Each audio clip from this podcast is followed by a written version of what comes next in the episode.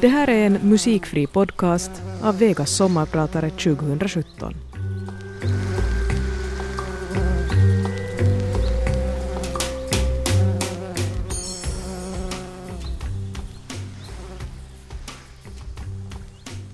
Jag var mest bara arg.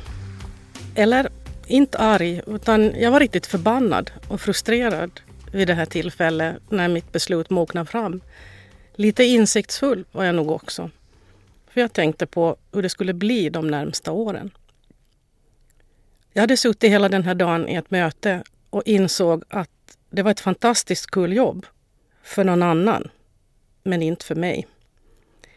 Det var också här jag bestämde mig för att sluta jobbet som VD för resebolaget TUI Nordic. Jag är ingen förvaltare. Jag älskar att jobba med utveckling och jag vill verka i en miljö som stämmer med mina värderingar. Jag heter Eivor Andersson och mitt sommarprat här i Radio Vega kommer att handla rätt mycket om vägval och att våga tro på sig själv. Jag heter Eivor Andersson och jag har jobbat i resebranschen som VD i många år. Bland annat för resebolaget Ving och nu senast som Nordenchef på TUI, mer känt som Fritidsresor och Finnmatkat. Jag är född och uppvuxen i Vasa och flyttade redan som 20-åring till Sverige och till Stockholm. Hur kom det sig att jag valde att kliva av ett jobb som så många andra skulle betrakta som ett drömjobb? Efter närmare 20 år på samma företag, på Ving, och 13 av de här 20 åren som VD, började jag känna att det här går ju inte. Det finns ju en risk för att det blir en del av inventarierna. Lite som en beige gardin, någon som alla tar för givet och kanske någon som ingen riktigt hör på längre. Nåja, så illa var det nog inte, men det var bara så jag kände på mig att det kunde bli. Så jag tog beslutet att lämna Ving. Ett varumärke som jag utvecklat i 20 år. En företagskultur så fin och så stark att det till och med finns en bok skriven om den. Och alla vänner och kollegor som jag hade jobbat med i alla år. Och ja, det gjorde ont. För för mig var ju det här mer än bara ett jobb. Men jag har aldrig ångrat det. För hade jag inte gjort det så hade jag missat allt det roliga som kom sen. Att arbeta i resebranschen kan lite liknas vid en redaktion på en tidning. Det händer någonting hela tiden och det mesta går inte att förutse eller förbereda sig för. Det kan vara stora politiska eller ekonomiska kriser. Det kan vara olyckor, pandemier eller naturkatastrofer. Mestadels var det förstås stimulerande att utmanas gång på gång med nya utmaningar och att hantera kriser, det är nog faktiskt något den här branschen förmodligen är världsbäst på. Kriser kommer ju när man minst anar det. Natten mellan juldagen och annandagen 2004 är jag i Finland hos min familj för att som vanligt fira jul. Och tidigt på morgonen, förrän alla hade hunnit stiga upp, väcks jag av ett telefonsamtal. Det var vår krisansvariga som ringde och sa att det har skett en översvämning i Pucket och att vi inte har så mycket mer information ännu. Under morgon och förmiddagen klarna omfattningen av en naturkatastrof som drabbat inte bara Phuket utan även Sri Lanka och Malaysia. Det vill säga många resmål där vi hade julfirande gäster. Det kändes som ett knytnävsslag i magen och jag vågar nog påstå att den här krisen är den som satt störst avtryck på min egen och på mina branschkollegors personliga utveckling. Ja, vi hade förstås kristränats massor med gånger på olika scenarier. Men att något som det här kunde hända fanns inte ens i våra vildaste fantasier. Och att det dessutom drabbade flera av våra resmål inom loppet av några timmar, det var också något vi inte hade tagit med i beräkningen. Man kan aldrig veta helt exakt hur man själv reagerar vid en sån här kris och hur man själv klarar att hantera situationen. Många som jag trodde skulle vara bra på att hantera kris var de mest känsliga. Och många som jag trodde skulle ha svårt seglade upp som fantastiska ledare och förebilder. Situationen gjorde mig själv rationell. Inte känslokall, men på något konstigt sätt en annan person. Och jag kapslade in min egen sorg och förfäran tills krisen var över. Min förfäran över människor som saknades, de anhörigas förtvivlan och myndigheternas handfallenhet. Men otroligt lärorikt var det och enormt utvecklande när man sen förstår hur mycket man själv klarar i en svår kris. En annan sorts kris hamnade vi i strax efter tsunamin när företaget var ganska tilltufsat efter många år av lägre efterfrågan. Det är på grund av finanskriser, sars, fågelsjukdomar och 9-11. Det var hög tid att göra något och vi i ledningen insåg att vi behöver en helt ny strategi. Resebranschen har alltid varit snabb på att ta till sig trender och göra dem till möjligheter. Än vi tidigt så var nätets oändliga möjligheter att presentera själva resan som produkt. Men vid den här tidpunkten, för drygt tio år sedan, då bokades mindre än 20 procent av resorna på nätet. Vi förstod att vi med de små marginaler som resebranschen har inte skulle ha råd att vara bra i alla kanaler. Utan vi valde helt enkelt att bli ett e-handelsföretag. Målet vi satte var att sälja hälften av resorna på nätet tre år senare. Idag låter det här helt självklart. Men det var inte det lättaste beslutet vid den här tidpunkten. Hur får man då med sig alla kollegorna på framtidsvisionen? Trots att det med all säkerhet skulle betyda att många av oss förlorar jobbet. Det som var nyckeln till det hela, det var att alla fick vara med och diskutera hur vi skulle göra. Vi samlade alla på en konferens och bjöd på så sätt med alla på resan. Det visade sig att det här var helt avgörande för att vi skulle lyckas med vår strategi. På kort tid stängde Ving sitt butiksnät med över 50 resebutiker. Allt tryckt material togs bort och målet på 50 procent sålda resor uppnåddes snabbt. Men kunderna fick förstås också vara med på resan och fick möjlighet att välja hur de ville ha sin information och kunderna var dessutom mer nöjda med den digitala informationen som vi ersatte kataloger och butiker med. Kunderna kände sig faktiskt mer sedda och uppmärksammade trots att kontakten var digital. Och det var för att vi kunde anpassa eh, informationen bättre till vilken kund det var som fick den. Och vi kunde ge mycket mer praktisk aktuell information. Idag när nästa stora förändring sker, nämligen förflyttningen till mobilen, då ligger resebranschen klart i framkant i utvecklingen och har längre erfarenhet av digital kommunikation än de flesta andra konsumentföretag. Och en sak är helt säker. Den digitala kommunikationen den är här med full kraft. Och den kommer att stöpa om de flesta företag, skapa nya produkter och erbjudanden och därmed också ny och ökad konkurrens. Så det här är ett område alla företag borde ha högst på sin agenda. Jag heter Eivor Andersson och jag har jobbat som ledare i mer än 30 år. Och jag är van att fatta beslut. Tvekar, det gör jag bara när det inte känns rätt. Ja, du hörde rätt. Att känna efter och använda min intuition, det är en viktig del i mitt beslutsfattande. Många är de gånger jag stått inför ett val. Ett val som varit viktigt och som haft stor påverkan. Och till min egen förvåning har jag ofta valt den mest utmanande eller svåraste vägen för mig själv. Jag minns när jag tog mitt första chefsjobb i 25-årsåldern. Då kunde jag ju ha valt ett område som jag kunde någonting om. Men nej, jag blev reklamchef och jag kunde absolut ingenting om reklam. Men fortfarande tänker jag tillbaka på den här tiden som någonting av det allra roligaste och mest lärorika jag har gjort. Att bara blunda och hoppa och lita på sig själv och lita på att man klarar det omöjliga. Som yngre tyckte jag också det var läskigt att prata till en stor publik.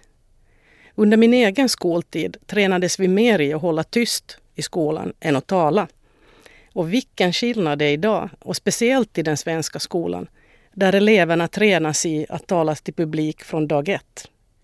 Min uppfattning är att man i Finland är mera fokuserad på betyg, medan man i svensk företagskultur mera ser till människan och frågar Vad har du gjort? Vad är du bra på? Och vad kan du bidra med? Men det jag har lärt mig är att man ska träna och träna igen på det man inte är bra på eller rädd för. Och det har jag verkligen gjort genom att arbeta i ett företag där mer eller mindre alla var estradörer. Ja, du vet, alla hade ju varit guider och informerat och underhållit gästerna. Det värsta var nog när jag själv blev tillfrågad om att bli keynote speaker på en stor internationell konferens i Stockholm med tusen åhörare från olika länder. Och vad tror ni jag gjorde? Ja, jag tackade förstås ja. Och efter det spelar det ingen roll längre om det är fem eller femtusen i publiken. Jag har många gånger tänkt på vad min egen drivkraft är och varför jag valt att jobba som ledare. Nu när jag kommit upp i en mogen ålder så tror jag mig veta svaret. Jag älskar utveckling. Att se kollegor ta nya utmaningar och kämpa med en uppgift och få se när de lyckas och växer i sina roller är enormt givande. Och förstås också att se ett företag eller ett varumärke utvecklas och få fler nöjda kunder. Ja, faktiskt, jag älskar all utveckling, vare sig det är människor, företag, trädgård, blommor eller barn. Att bli mamma och få följa mitt eget barns utveckling är det som betytt mest för mig som person. Att få gå bredvid och få se allting hända och samtidigt bli påmind om min egen barndom och hur jag själv har utvecklats. Min dotter hon är 16 år idag, men det är fortfarande lika spännande nu som hennes första år och det är lika fascinerande att upptäcka världen om och om igen genom hennes ögon. Att vara VD känns ibland som att vara cirkusartist. Många är de konster man ska behärska och man är alltid i fokus och man förväntas göra nya konster varje dag. Som VD är man ansvarig för företaget och att det förväntade resultatet utvecklas i den riktning styrelsen och ägaren vill. Det är en fantastisk känsla att få det förtroende och det ansvaret, men det kan också bli riktigt tufft ibland. Det fick jag uppleva som VD på Coop Marknad. Jag hade då efter några år i Coops styrelse blivit rekryterad för att starta ett nytt bolag inom koncernen. Jag hade jobbat med uppdraget ett halvår. Jag hade gjort verksamhetsplaner och budgetar, jag hade skapat nya uppföljningsverktyg och jag hade anställt ett 30-tal ledare och experter. Och det allra mesta utvecklades enligt plan när så koncernen fick ny VD och jag därmed fick en ny ordförande. Jag var inte alls orolig för att det skulle påverka min verksamhet. Men det gjorde det. Den nya ordföranden började och jag blev efter ett par veckor kallad till hans kontor. Han meddelade mig då att han inte ansåg att min profil passade för det uppdrag jag hade. Det var förstås en helt oväntad kalldusch eftersom det bara var tredje gången vi träffades. Men det som hände var förstås inte något ovanligt. Det är just ordförandens och styrelsens uppdrag och ansvar att tillsätta och avsätta VD. Och att vid varje tid se till att den som har uppdraget också är den som har den bästa möjliga förmågan att lösa uppgiften. Som VD har man ingen anställningstrygghet, men oftast ett kontrakt med lång uppsägningstid. Eller man kanske ska kalla det för omställningstid. Och det hade jag också. Jag bad att få sluta med en gång och gick ut därifrån samma dag. Självförtroendet hade förstås fått sig en knäck. Jag som alltid hade hyllat principen att alla medarbetare ska ha en chans att visa vad de går för innan man tar något beslut i någon riktning. Nu hade jag själv råkat ut för en person som inte alls hyllade den principen och det kändes orättvist minst sagt. Men när jag hade funderat på det ett tag så såg jag också mer klart. Det var inte personligt mellan ordföranden och mig utan jag hade helt enkelt råkat ut för det så kallade pärlbandet. Det som händer när en ny och kanske osäker chef vill skapa sin egen ledningsgrupp och välja sina tidigare trogna medarbetare och ta dem med sig till det nya uppdraget. Han eller hon drar så att säga i pärlbandet och där kommer alla trogna vapendragare. Det här har jag sett hända andra många gånger men var inte riktigt förberedd på att det skulle kunna hända mig. Men det tog inte många veckor innan jag hade fått flera förfrågningar om nya styrelseuppdrag i spännande företag. Och det ledde sen in mig på den bana där jag fortfarande verkar, nämligen som rådgivare och styrelsearbetare. Men hur påverkar den här händelsen mig? Ja, det jag lärde mig det var att vara mer förberedd på att vad som helst kan hända. Och det gav mig också en klarare insyn i hur det kan gå till i företagsvärlden. Men min egen princip, att alla ska ha en chans att visa vad de går för, den är jag ännu mer fast övertygad om idag. En bra grundförutsättning om man ska arbeta som ledare är att man måste tycka om att vara ledare och trivas i den rollen. Det krävs också att man har mod och att man är intresserad på riktigt av människor och deras möjlighet att utvecklas.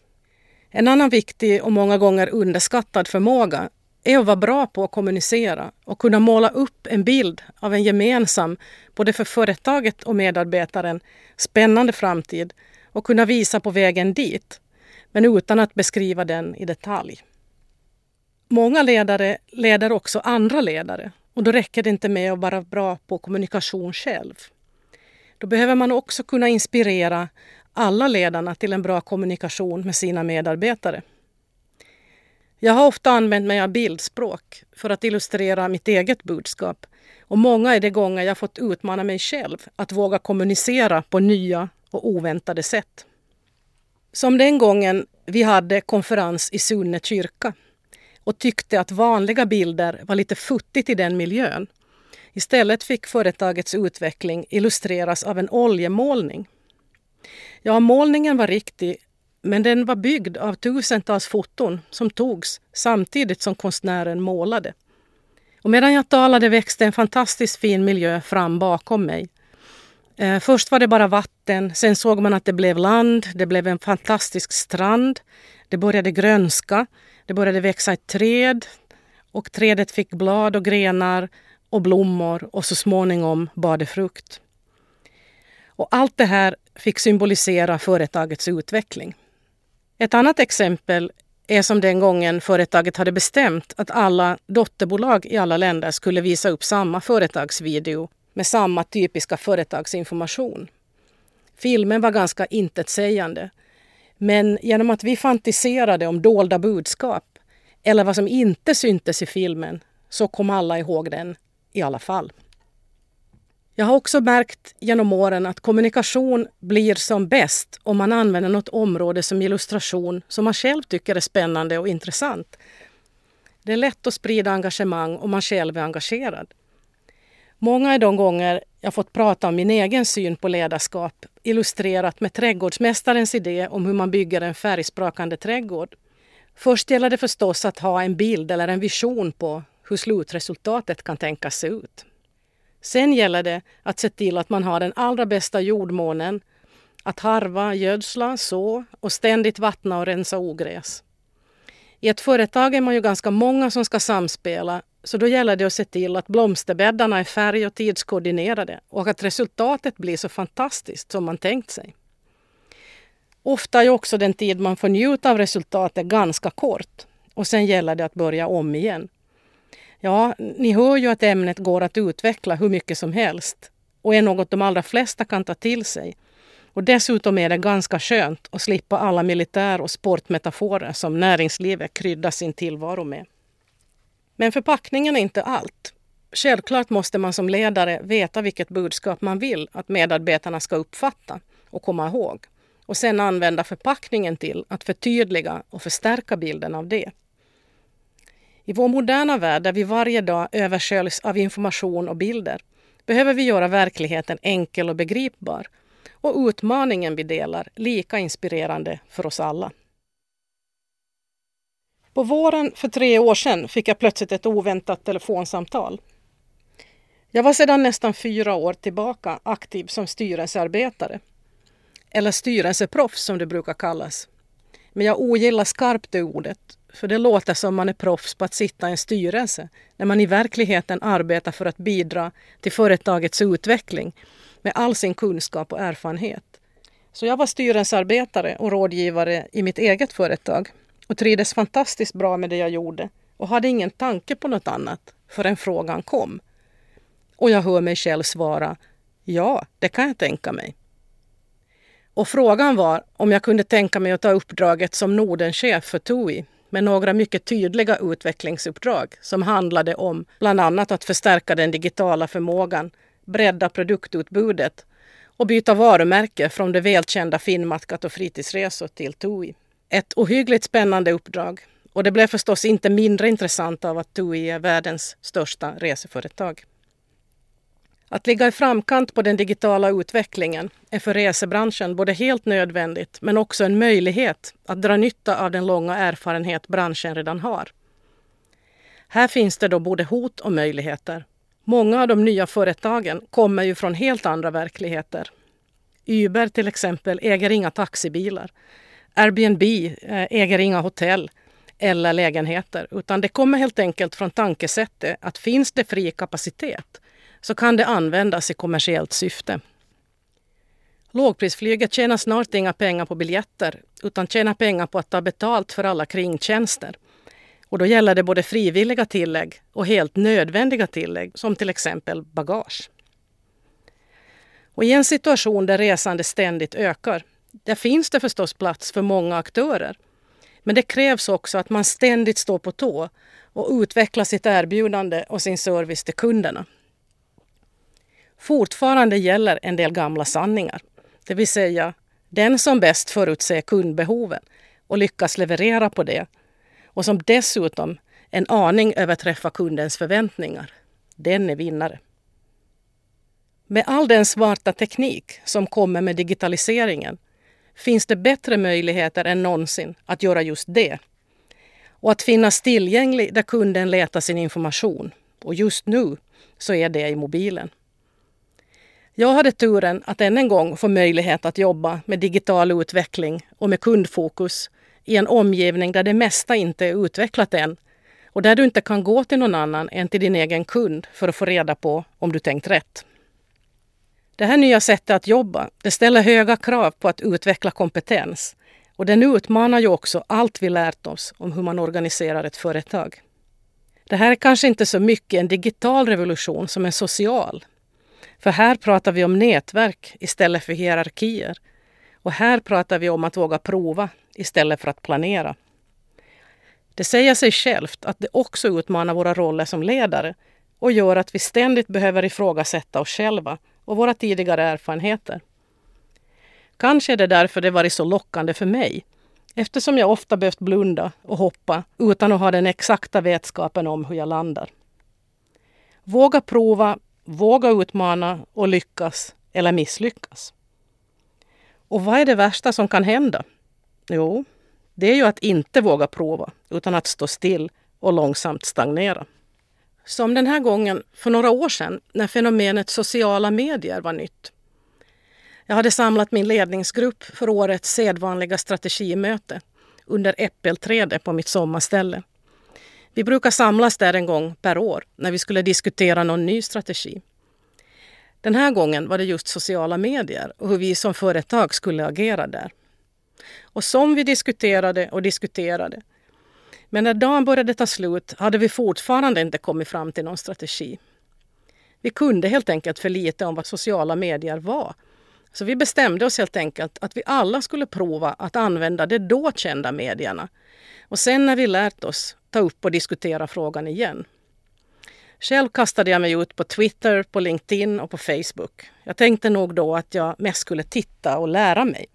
Men jag fick omedelbart följare och var ju tvungen att aktivera mig. Idag, nästan tio år senare, är sociala medier en mycket viktig del i mediamixen för alla konsumentföretag och för att kommunicera med kunderna. Och sociala medier är även i yrkeslivet och i den personliga utvecklingen viktiga instrument. Idag rekryterar företag via LinkedIn, har reklamkampanjer på Facebook och många medarbetare twittrar dagligen om vad som händer dem i deras verklighet. Nu står jag här igen och har precis valt bort ett spännande jobb och är lyckligare än på länge. Äntligen får jag tid att tänka en tanke till slut. Blunda och njuta av hur solstrålar känns hälsa på min mamma hur länge jag vill och läsa läxor med min dotter. Ja, det är ju inte bara det jag gör på dagarna. Men jag har nu valt att satsa min arbetstid på ett antal styrelseuppdrag i företag där jag känner att jag verkligen kan bidra till en bättre framtid och där jag själv får lära mig en ny bransch eller någon ny spännande utveckling. Jag tog beslutet för att jag inte ville satsa hela min vakna tid på jobbet och för att jag inte tyckte det var roligt med 150 resdagar och för att jag också vill ha en möjlighet att ägna tid åt annat som jag tycker är viktigt. Som till exempel att odla grönsaker eller gå en utbildning i hur man beskär buskar och träd. Ja, jag vet att jag är privilegierad som kan välja. Men jag vet också att med få arbetsår kvar är tiden begränsad. Och det känns viktigt att få ägna den till rätt saker. Det vill säga saker som gör mig glad och som får mig att känna att det är fantastiskt att leva. Jag som har sommarpratat idag heter Eivor Andersson och mitt motto är Våga och vinn.